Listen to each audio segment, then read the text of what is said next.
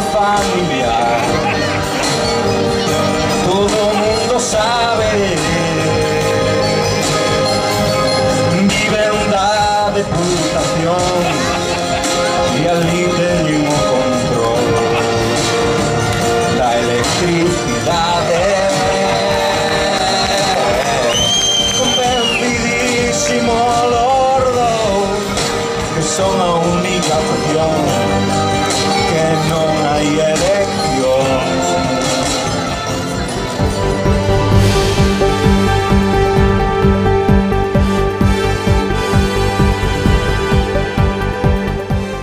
el día de hoy, cautivo y desarmado el ejército Boina, el ejército popular ha conseguido sus últimos objetivos.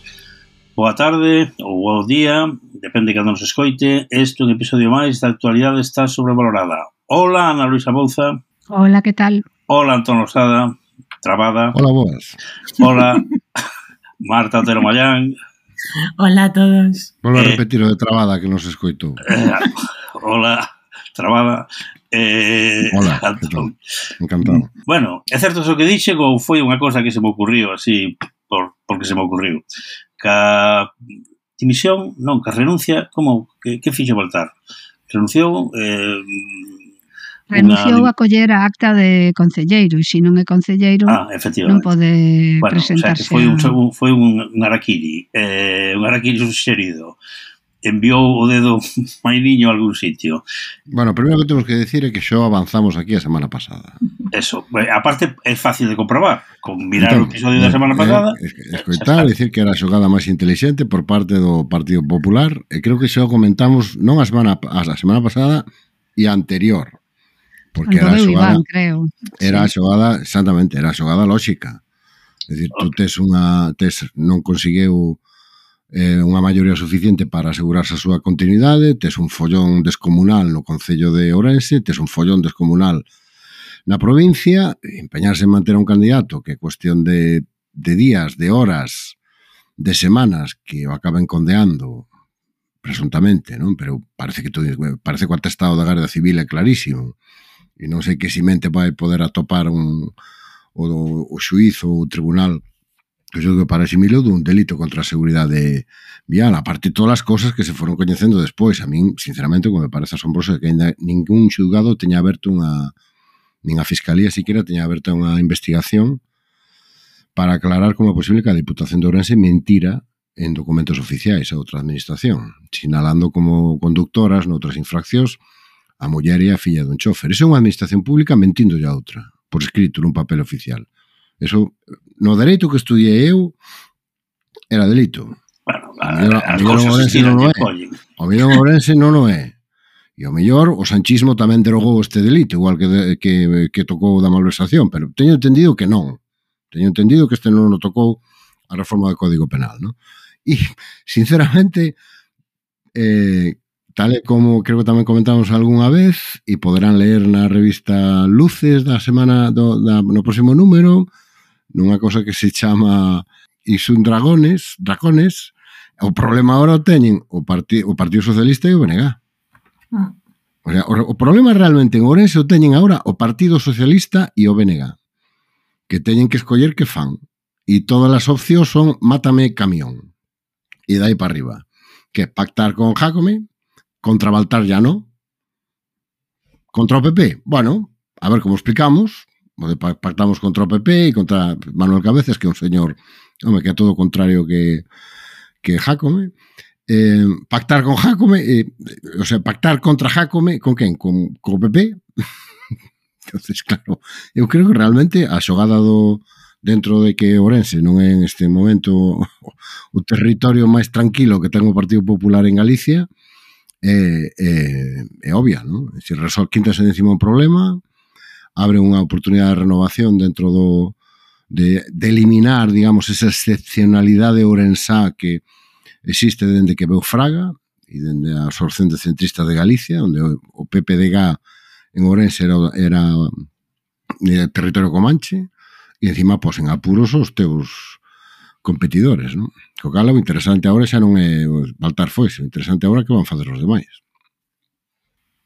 Sí, e sobre todo que van facer os demais e eh, que implicacións ten realmente que, que a marcha de Baltar, non? Porque, bueno, dentro desa euforia inicial, eh, porque realmente a mí sí que me parece moi significativo a marcha de Baltar, quede ou non quede como mm, argallador multitask por detrás. Eh, no sentido de que, bueno, ao final, pois pues, sí que é un fin Mira, de ciclo. Marta, ¿no? Marta, perdona que te interrumpa, tú eres nova aquí.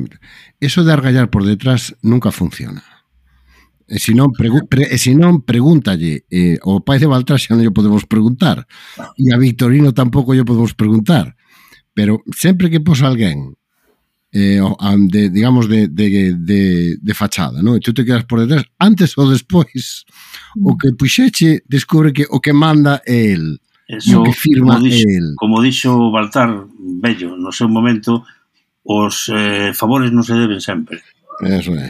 Claro, pero bueno, neste sentido a mí sí que me parece un fito histórico a reseñar o feito de que rematase o baltarismo, polo menos o visible, o que está nesa primeira capa da superficie, despois de 36 anos, e penso que que bueno, que xa é un avance significativo en, en calidade democrática, sobre todo pois no, na, nesa excepción ourensana, no? da que falabades pero, pero bueno, tamén me queda a dúbida de como que vai supoñer a efectos prácticos, se vai haber unha continuidade nesas redes clientelares que eran a marca da Casa da Diputación Ourensana ou vai haber unha renovación mesmo que veña eh, da man do propio PP, non sei. O tema é que tamén me parece un movimento interesante porque, bueno, levase comentando toda a mañá, tamén Pereiro abriu con esta frase, o tema da o exército boina, non? comeza a edade do birrete definitivamente, quero dicir, o PP sempre foi o partido que, o seu lema era o partido que máis se parece a Galicia, non?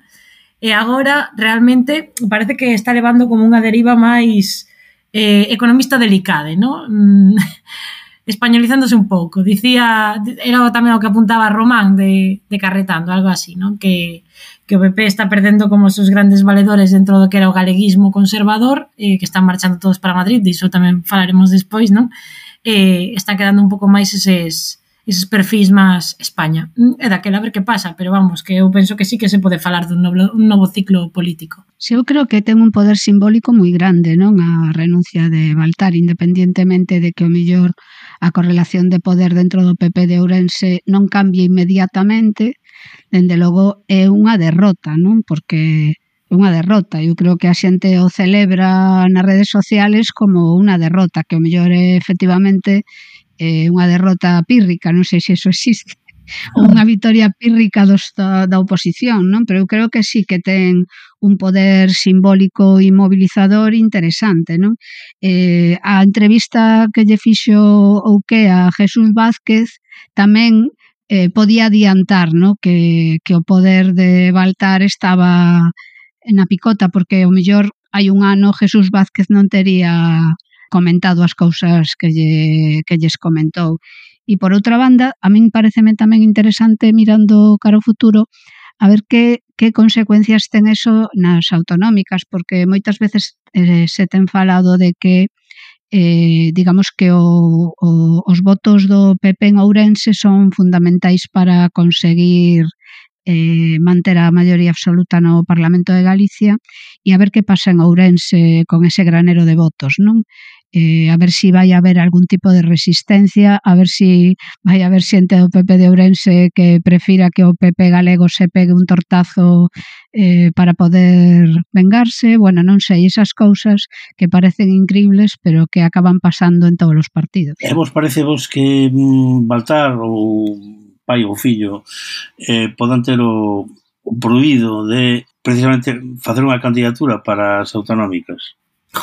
resucitar centristas de Galicia. Sabe o que pasou en Ribeira? Eu creo que é moi interesante eh, o que está pasando en Ribeira. Torres Colomer, que foi alcalde do PP durante non sei cantísimos anos, promove unha candidatura alternativa de dereitas nas municipais, o PP perde a maioría absoluta e está negociando esta candidatura que ademais se chama Barbanza Independiente, que hai, hai que manda chover, está negociando co BNG e están falando de unha alcaldía rotatoria.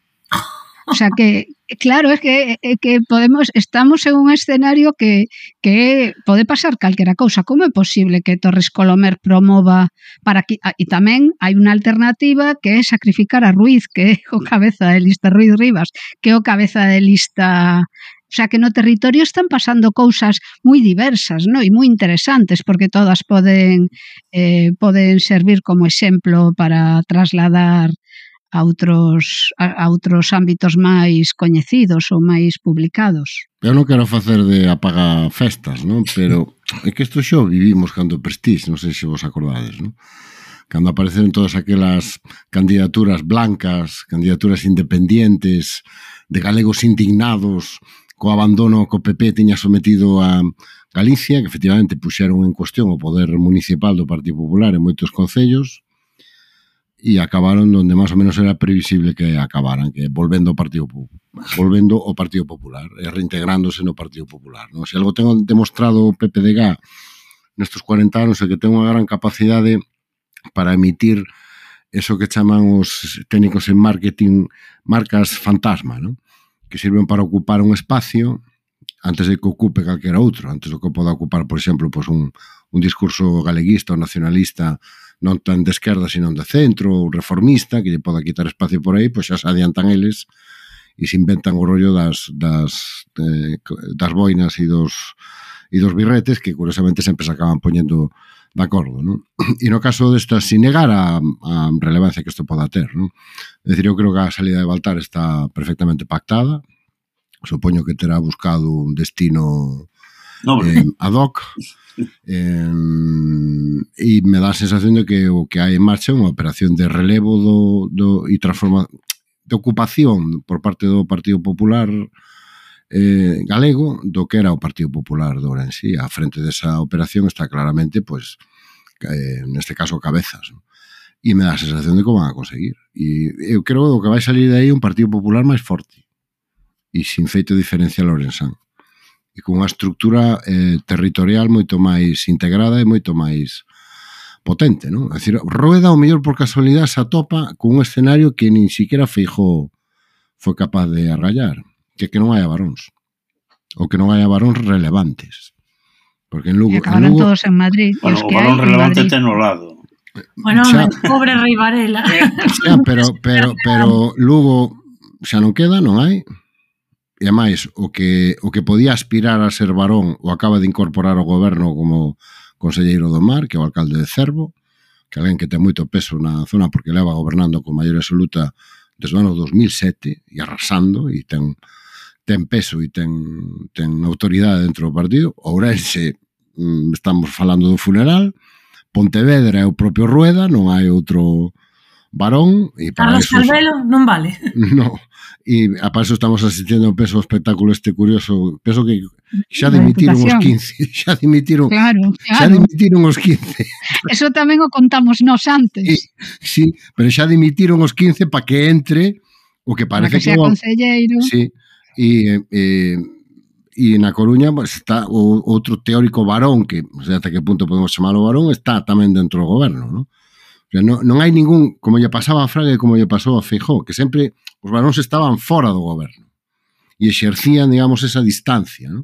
Bueno, neste caso parece que non, sinceramente, eu creo que, que a dimisión de Baltar é unha boa noticia para a democracia, a renuncia, mellor dito, de Baltar, é unha boa noticia para a calidade democrática do país e, sobre todo, unha gran noticia para o PP. Bueno, pois, Pois nada, mm. aquí non somos partidarios do cuanto mejor para todos, peor el suyo beneficio político, non? Cando mellor para todos, mellor, non? Sí, sí. Sí, a ver, que, que, que o Baltar era un problema para o PP xa o dixemos nos non sei cantas veces, non? Que para quen era sobre todo o Baltar un problema era para o PP. O que non se sabía ou non se aseguraba era se si o PP iba a poder votalo fora non? E está claro que pudo, non? A cuestión dos, das varonías, que me parece moi interesante que comentaba Antón, ten outra consecuencia, porque aínda que efectivamente recentraliza o partido, non? E fortalece a, o, apare, o aparato central do partido, hai que ver que consecuencia ten no territorio. Mm. Porque claro, as varonías teñen a ventaxa de que controlan mellor o territorio e o mellor desde Santiago non é tan doado controlar o territorio en Ourense. Entón, para min esa é a incógnita. Non quero decir que vaya a ser unha debacle para o Partido Popular, pero dende logo para min abre unha incógnita que resolveremos en parte, ou mellor, o 23 de xullo, pero sobre todo resolveremos nas autonómicas. E iso explica tamén por que, o por que do non adianto electoral, non? Das autonómicas, ou que? Nós que pensábamos que Rueda sabía que as tiña todas consigo e non quería facelas coincidir coas xerais, ao final parece que había aí un movimento máis prudente do que pensábamos, non? Eu creo que o que houve no caso da... Do, é que isto xo vimos. A mí me recordou moito o numerito que montara Touriño, vos acordades? Eh. Eu sinto volver ao partito outra vez. Pero neste caso non é ningún trauma que leve incorporado. Tamén vos acordades tamén aquela escenificación que se fixo de se adianto, non adianto, e ao final deu unha roda de prensa montando un numerito de, bueno, polo ben de Galicia, pois non vou adiantar, enda que é o mellor para o partido e tal. Foi unha escenificación para reforzar a súa figura presidencial. Eu creo que foi Rueda fixo exactamente o mismo. Mm. Unha posta en escena, un espectáculo mediático para reforzar o seu liderato e reforzar a súa a súa posición presidencial. Eu creo que nunca estuvo na mesa en serio eh, o adianto o adianto electoral. Non? Outra cousa é o que está pasando agora. Esta especie de conselleiros on the run o que estamos asistindo, non? Eh, e que eu creo que te, aquí miralo máis en clave de as necesidades que ten Feijó de rodearse de xente fidel en Madrid, polo que poda pasar, ben para gobernar, ben para resistir donde lle toque, que cas dinámicas para que, que paren po... para que paren as puñaladas, ¿no? Exactamente. Bueno, o que o, o que polo menos haya máis xente haya máis xente que apuñalar antes de apuñalalo a él, ¿no? Entonces, eh, se eleva pues, a Paco, o vicepresidente de Asuntos de Industria, que sinceramente para min, eh, o digo con todo respeto e con todo cariño, era como unha especie de mini yo de Feijó, ¿no? Era, era, bueno, era... macro porque era un pouco máis alto. bueno, pero quero decir que era un pouco a reproducción do mismo villano, ¿no? Era sí, o, de, o de Austin Powers, ¿no? Sí. Pues era igual, era como un mini yo de, de Feijó. A mí me, me parece moi significativa a, a, o salto a política estatal de Pedro Puy, A min tamén. Sí. Porque unha persona que ten recorrido político, que ten discurso e que ten acceso ao líder e que eu creo que está chamado a, a, a ocupar, un, a ocupar un posto relevante. Non, sei, non me atrevo a decir cal, pero eh, parece ocupar un posto relevante. Non? E, por exemplo, a, a, que a Conselleira de Pesca se integre pola lista ourense creo que ten moito que ver co que acabamos de falar antes do, da dirección do partido tomando posesión do, do, do territorio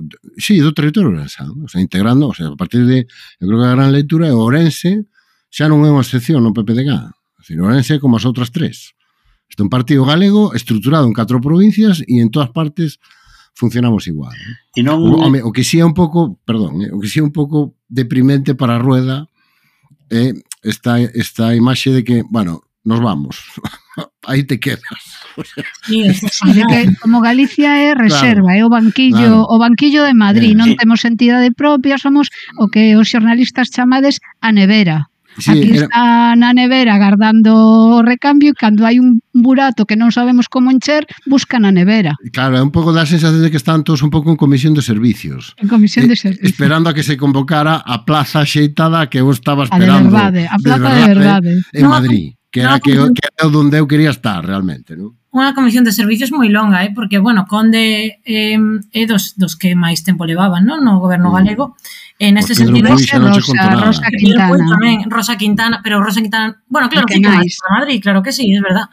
Pero Pero bueno, que, a ver, tamén este movimento interesante, non? Primeiro, porque se restablece a orde natural das cousas de que os galegos gobernemos o resto, e, des e despois porque, bueno, está claro que Feijós está facendo un, un equipo dos seus... Marta, non te, non te adiantes. Os, os, os galegos eh, polo de agora non gobernan nada, eh? que hai as eleccións aínda non foron.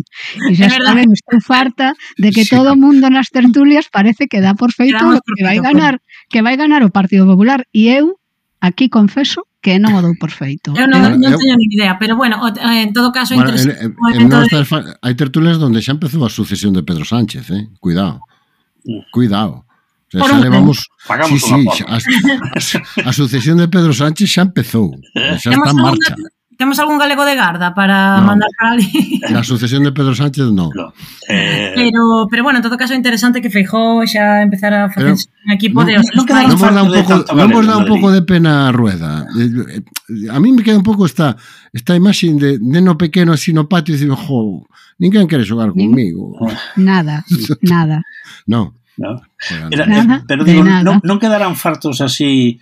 Eh, non quedarán fartos en Madrid de tanto de tanto gallego, porque alguno incluso a lo mejor se pone a hablar en gallego con otro. No, no yo non lo descartaría. Non, a ver, Pereiro, en Madrid en, en moitos outros ambientes tamén deben estar fartos porque están afeitos, non? A que haxa unha fuga, por exemplo, de xornalistas, unha fuga eh, de profesionais galegos que, que acaban en Madrid. Eu isto eh, o, a ver, é como si, si por fin se, se pechara o círculo que abriu a marcha de Feijo a Madrid. No, eu creo que todo o mundo tiñamos un pouco unha sensación de que isto non acababa con marchar el, que isto bueno. tiña unha segunda parte, ¿no? Seamos... E esta é a segunda mm. parte, esperemos que a terceira sexa que Rueda se va para casa, pero eso igual eh, Seamos... o meu optimismo... Seamos sinceros, este é o patrón da migración galega de toda a vida. É dicir, o primeiro que se vai chega a un, e chega a un sitio e triunfa, arrastra os demais. Ar... Eh. O mismo barrio, normalmente. O, o mismo barrio, e, e unha vez dentro do barrio, pois, pois un entra e atopa, eu que sei, o mellor, traballo de porteiro nun edificio, non? E nada, en meses, toda a xente que vai traballar o edificio eh, vende onde ven e se dedica o que se dedica. E isto é exactamente o patrón de toda a vida. Foi pala, triunfou, e agora está traendo os veciños, oi, vide pa aquí, que aquí hai chollo, aquí hai oportunidades. Para cubrir, unha, claro, claro, para cubrir unha suplencia, para cubrir unha suplencia. Vai moito sitio, non? O dixo Santiago. Claro, claro, necesitamos un economista, Paco, e necesitamos un ideólogo, Pedro, Necesitamos alguén que saiba de mar, Ana Rosa, diga, Ana Quintana, necesitamos un, aí si estamos, vamos traendo, non sabes? E, e se mañá necesita un enxeñeiro, pois pues eu que sei, Agustín o, Hernández. Que veter... o alcalde de Cervonón que é veterinario. Agustín. Hernández. Eh, eu xa claro. vendo a composición. Alguén, un bochófer, Baltar, venga, a Madrid. Se cambia, se cambia o goberno, eu xa estou vendo a, a composición, eh? Ministro de Economía, Conde. Ministro de Pesca, Rosa Quintana. Xefe do Parque Móvil, Baltar. Non hai Ministerio, non hai ministerio de Pesca, Marta. Igual se cargan o de igualdade e crean un ministerio. Si, sí, hai ministerio de agricultura, pesca, pesca e alimentación. É Luis Planas, home, claro. Sí. Eh, que máis? Hai un secretario xeral de medios en eh, Madrid? Sí, hai no. Hai no, pois pues no. xa temos das listas. Eh, xa temos, sí, bueno, hai unhas curiosas incorporacións. Marta Rivera de la Cruz, que é a, a Daliz do, do, da, das rodaxes eh, de Galicia como plató de rodaxe de series, non? Eh... Bueno, e un exemplo de algo que eu sempre digo, que todos os que din que non se queren dedicar á política e que están na política de, de paso, hai que acabar, ten que acabar sacando a parella da Garda Civil. un ejemplo perfecto de eso. No, no, yo la política no, yo. Pero entonces, yo, no, quiero, yo no, ¿eh? soy político profesional, yo estoy aquí, es, un, es una etapa en mi vida, pero se cerrará algún día. Pero cuando, cuando venga, cuando venga venga la Guardia Civil, pechala. Cando están dentro, entón, danse conta de que son imprescindibles. Imprescindibles, sí. E ainda que eles querrían volver para casa, o seu sentido de ver non yo permite. Eh, su amor a España. Contingentes, non son necesarios. Como dicían en Amanece que non es pouco. ¿no? Bueno, o que estamos comentando pouco, é que pechado o contador de, de pactos na esquerda, se acaba de abrir o contador de pactos na dereita e na extrema dereita e están pasando cosas realmente moi sorprendentes. Por exemplo, ese pacto con ese texto de primeiro de primaria que a mí me daría vergonza, sinceramente, que, que, que, que, que, que presentar un texto así donde unha das líneas eh, que falo de memoria, non era sanidade e asuntos sociales para reforzar la sanidad y los asuntos sociales. Sí, paz en el mundo. Parece, sí. un, parece un deseo de una Miss. ¿no? No, sí, exactamente. Sí. Eh, bueno, pero eso foi sorprendente eh, a rapidez e a velocidade ca que se acabou o pacto e todo o que gañou Vox, porque non olvidemos que con, con unha relación de de 11, que, que creo que son 11 diputados, non? Os que ten Vox, 11 ou non, 12 e o Partido Popular cerca de 40 se levan a presidencia da Asamblea e se levan tres consellerías que di o PP que non van ser tal, pero bueno, eles aspiran a ter educación, asuntos sociales e, e agricultura, non? Tamén sacado un pacto bastante sorprendente e inesperado en Elxe, parece, en Burgos, pero en Murcia non. En Murcia acaba de acaban de constituirse a asamblea e deixaron que Vox exixía a presidencia, E non só non lladeron, sino que deixaron fora a Vox, e Vox amenaza ahora con repetir as eleccións en Murcia. Co cal, máis alá da credibilidade que nos ofrezca isto, hai que dicir unha cosa que parece que ninguén se atreve a decir, que agora o ruido está na dereita. E ahora todos estos que estaban tan preocupados por las coaliciones y por el ruido y por el follón, home, é o momento de aplicar esa análise á dereita. É dicir, ahora o lío, o follón, as navalladas, as peleas polos sitios, os vetos cruzados e tal, todo eso está na dereita na dereita e na extrema dereita. E además parece que se está oficializando e visualizando con moita claridade que a opción non é escoller entre Feijó e Pedro Sánchez e seus malvados socios, sino que a opción é escoller entre Feijó e seus socios e Pedro Sánchez e seus socios. O sea, entre dúas coalicións. Entre Feijó e seu socio, que de momento non se sepa que teña outro. Bueno, en, en Cantabria Revillas acaba de ascer. Sí, bueno, abstense para que non... Con gran indignación de, de con gran indignación de vos. Bueno, claro, por eso, pero bueno, mm. abstúvose para que non entrará... Bueno, pero, pero, pero, pero todo, todo esto que na dereita nos parece absolutamente... No, si isto estuviera pasando na esquerda, que estaría dicindo todo o mundo? Ah, oh, ruido, follón, non se entenden... Tal. Sin embargo, bueno. pasa na dereita e parece que é unha cosa do máis normal e que non non merece maior comentario. E a mí sí me parece... Oiga, este vai ser, si sale, A coalición entre o Partido Popular e Vox vai ser unha coalición inestable e chea de ruido. Claro, pero bueno, en todo non caso... falar xa das políticas, non? Estando de acordo con... Estando de acordo con iso, eu penso que a esquerda non pode aspirar a, a un xogo de e tú más, ou tú tamén tienes ruido. E ademais, Ainda non se formaron gobernos de esquerda como están tendo que formar agora mesmo o PP e Vox, porque, a ver, se levamos unha semana escoitando Balbordo co tema das listas, que se no número 2, un de Podemos, o 3 de Baleares, o 4 de Xunta Aragonesista, e, e eh, levamos unha semana con esa matraca que eu aínda non escoitei absolutamente nada de que programa leva a sumar e o único que hai un xogo de tronos, non me quero imaginar no momento no que... De, de tronos no sentido galego. Un de tronos no sentido galego, de rayos e truenos. Oxe, os acaba, os acaba de presentar as súas propostas económicas sí. e, entre outras cousas, di que quere manter permanente o imposto este imposto extraordinario sobre as grandes fortunas. Oxe, sí, sí, sí, sí vale, pero... Leva, sí, bueno, IRPF máis... máis... Vale.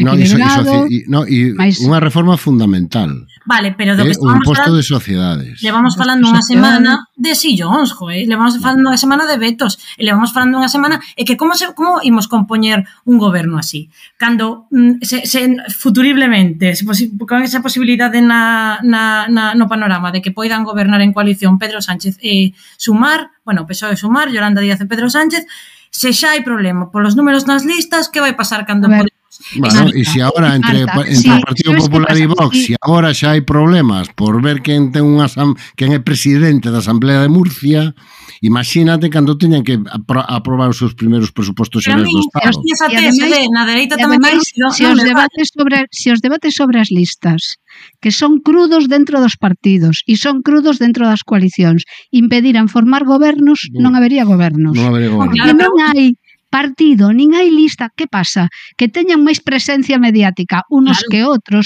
porque problema. o que está pasando no PP o sabe moi pouca xente ou non ten a mesma presencia mediática que o, está, Ninguna, o que está pasando no, en Sumar. Cero presencia Una vez feitas as, o sea, o debate sobre as listas se acaba no momento en que se presentan as listas. Ajá. E agora falemos de programa.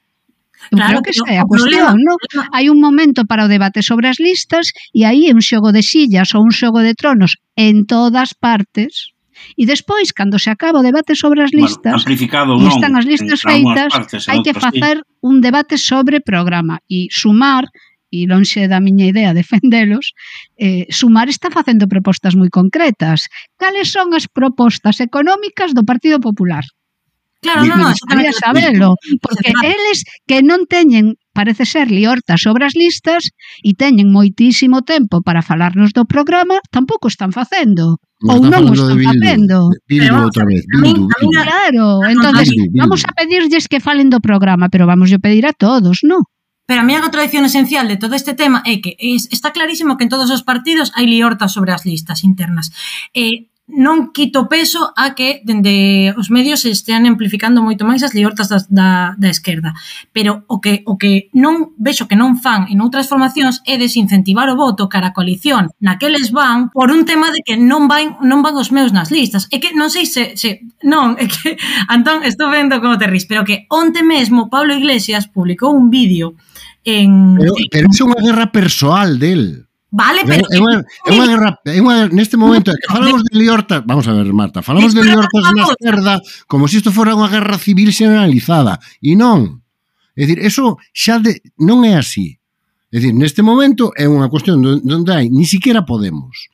Un grupo incrustado na dirección de Podemos peleando polo seu, moi lexítimo, a mí parece moi lexítimo, cada un que pelee polo que tal, pero non falemos, non fagamos un diagnóstico, o sea, 16 organizacións se poñen de acordo por ir xuntos nunha lista, unha, algo histórico, histórico, algo que todo mundo decía que vai ser imposible, eso non vai pasar. E a noticia é que un señor que ahora mismo, que sepamos, é tertuliano, non é outra cosa, non lle gusta o acordo. Bueno, ah, pois, oye, que o partido máis forte desas 16 eh, organizacións está facendo campaña contra a coalición. Non, o partido, no, o partido no porque Podemos Galicia se pronuncia. Si tú vas polo ter... claro, si tú vas polo territorio adiante, a petición foi unánime. Vamos a ver o que pasa no Consello Territorial. Dicir que Pablo Iglesias e Irene Montero son unha facción pequena dun partido cando son eh, prácticamente os líderes de opinión do espazo que representan, a min non me parece os líderes, os ah, líderes, pues, traducir, de, os líderes traducir de opinión, eso a unha guerra generalizada en toda a esquerda tamén Pero tampouco ninguén, parece adecuado. Ninguén está tampouco parece apropiado. Mira, eu, como Ana Luisa, non sou sospeitosa de defender nin a Sumar nin a Podemos porque non os vou votar.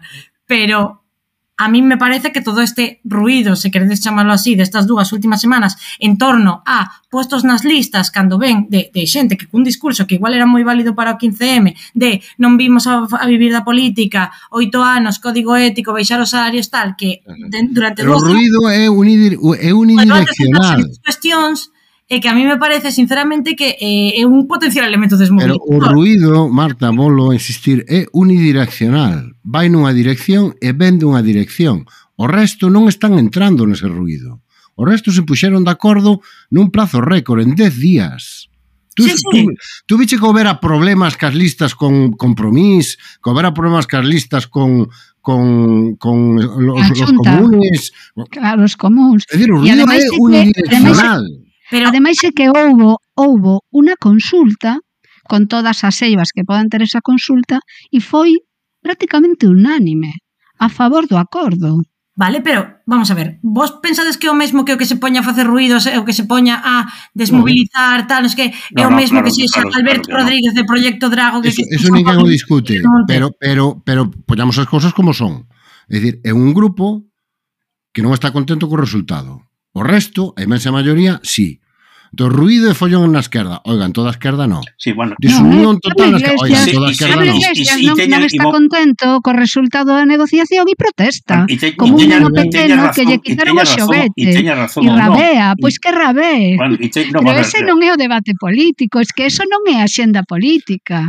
Eu creo, eh, eu creo que a xenda política que deberíamos promover ou que na que nos deberíamos centrar é nas propostas de programa e nas diferencias entre as distintas bueno, propostas máis, si me programa. permites, eh, si me permites, en, en romper un relato de campaña que se está construindo, que aquí se trata de elegir entre a coalición e o follón e o ruido eh, que representa o goberno de coalición e Pedro Sánchez e un gran gobierno con unha maioría clarísima de Núñez Feijóo, onde todo va a ser orden, paz e quietud.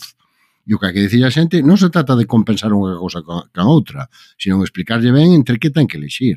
Que aquí a elección non é entre ruido e orden, A elección é entre dereita e esquerda. Ah. Unha coalición de dereitas e unha coalición de esquerda. A elección non é desorden, follón e lío frente a, a orde e a paz e a, a, o borrollo que represento eu. Non, non, a elección non é entre orden bueno, e follón, eh, mm, entre dereita e esquerda. Quedou claro eso. Dentro de, entonces, mm, podedes explicar que pasou cos gobernos municipais na Coruña e Santiago que porque porque non houve acordo, quer decir, vamos a baixar un pouco eh, vamos a baixar un pouco a, a terra con maiúscula e con, e con minúscula porque porque eh, sinceramente... A mí xa me parece baixar o subsuelo, non a terra, baixar un pouco o subsuelo. baixar, baixar o soto de, de tal...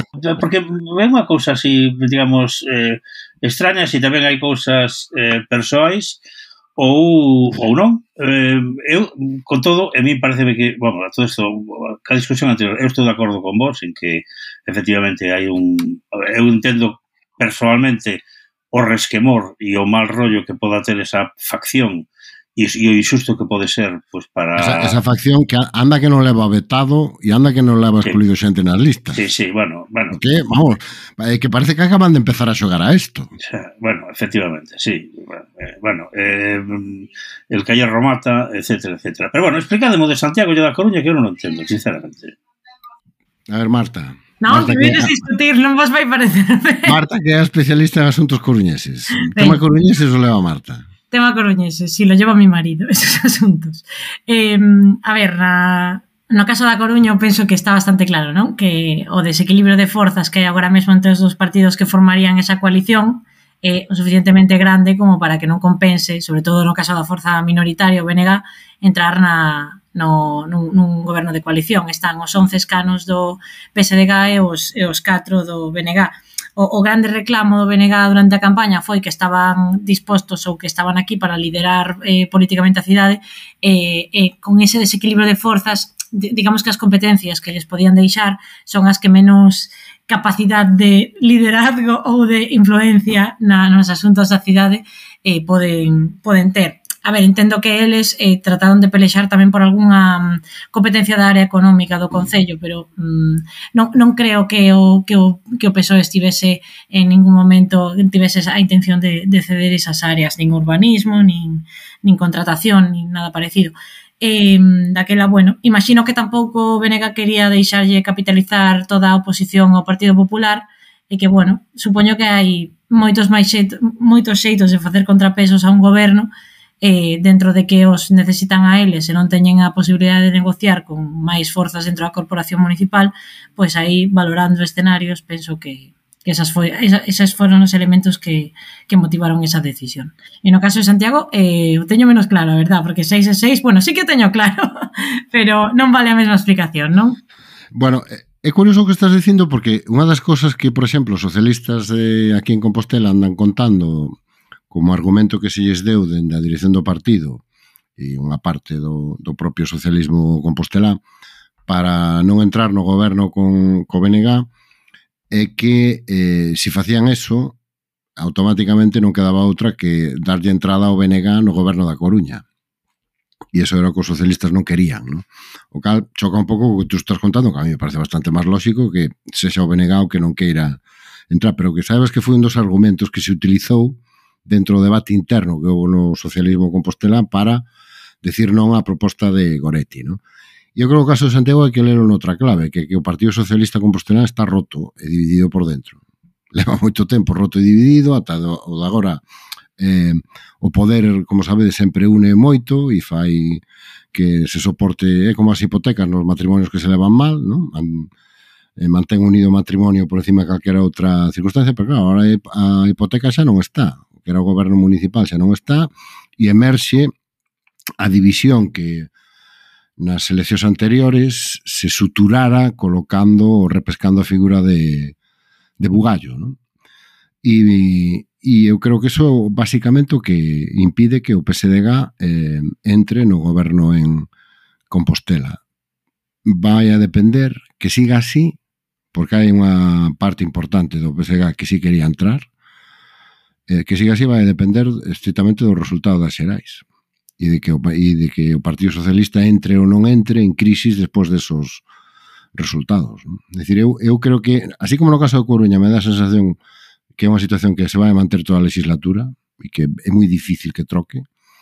No caso de Santiago, vai a depender moito de como se resolva a crise interna que ten neste momento o Partido Socialista en Compostela. E eu non, non desgoto nin de lonxe, a posibilidade de que despois das xerais e pasados uns meses o Partido Socialista se acabe incorporando a un goberno, entre outras cosas, porque é onde ten un sitio, porque, senón, que vai facer con seis eh, concellales na oposición? Votar co PP sistemáticamente.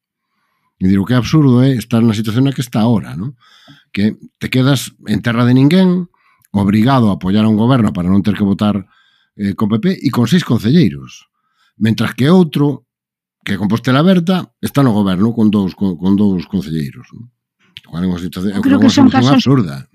Eu creo que son casos moi diferentes, mm. eh, porque a clave que comenta Antón, eu creo que o de Santiago ten unha moita clave de partido, non un problema do PSDG interno. Eu creo que no, mm. de Coru no da Coruña, ademais do que moi acertadamente decía Marta, hai outro tema que, que na, no seguinte mandato hai unha serie de decisións que ten que tomar o Concello da Coruña, Terrenos do Porto e outras, nas que eh, a, a posición do PSDG e a posición do Bloque son bastante diferentes, non? E que se o BNG non tiña unha concellalía eh, con peso político e con peso económico, verse forzado a estar dentro dun goberno que toma decisións que non teñen nada que ver coas que tomarías ti é bastante complicado.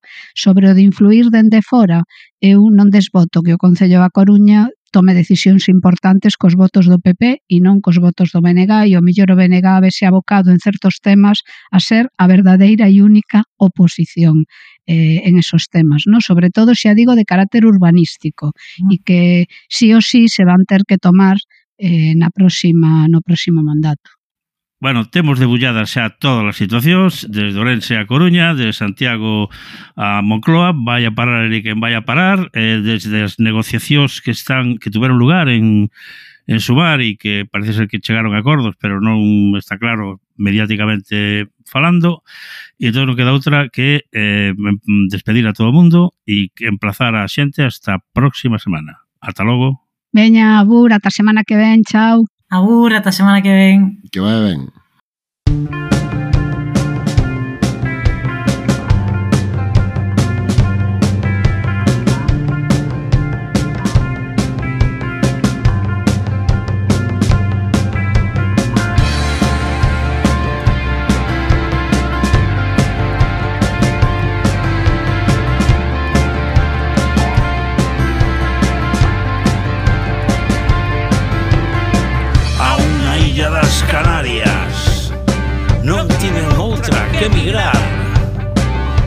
chollar do que fose Lonxe, lonxe do fogar É que me invade a morriña Da patria de Breogán Cando os coitos resentidos É que me boto a chorar A chorar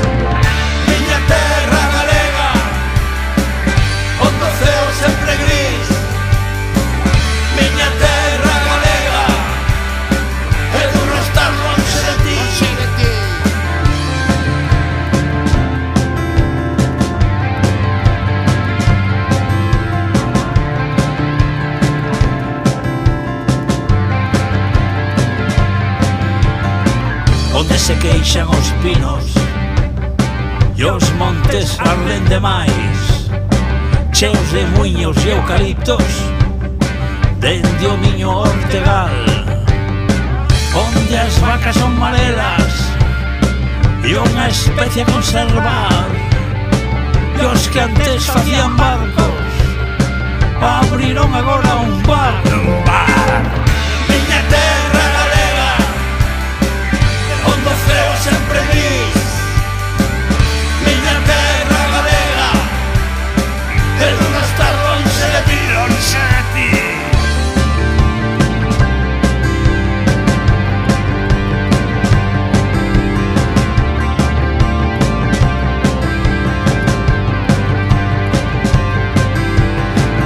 Sanjen Joyer no Jacobeo. Empanada e pulpo a feira.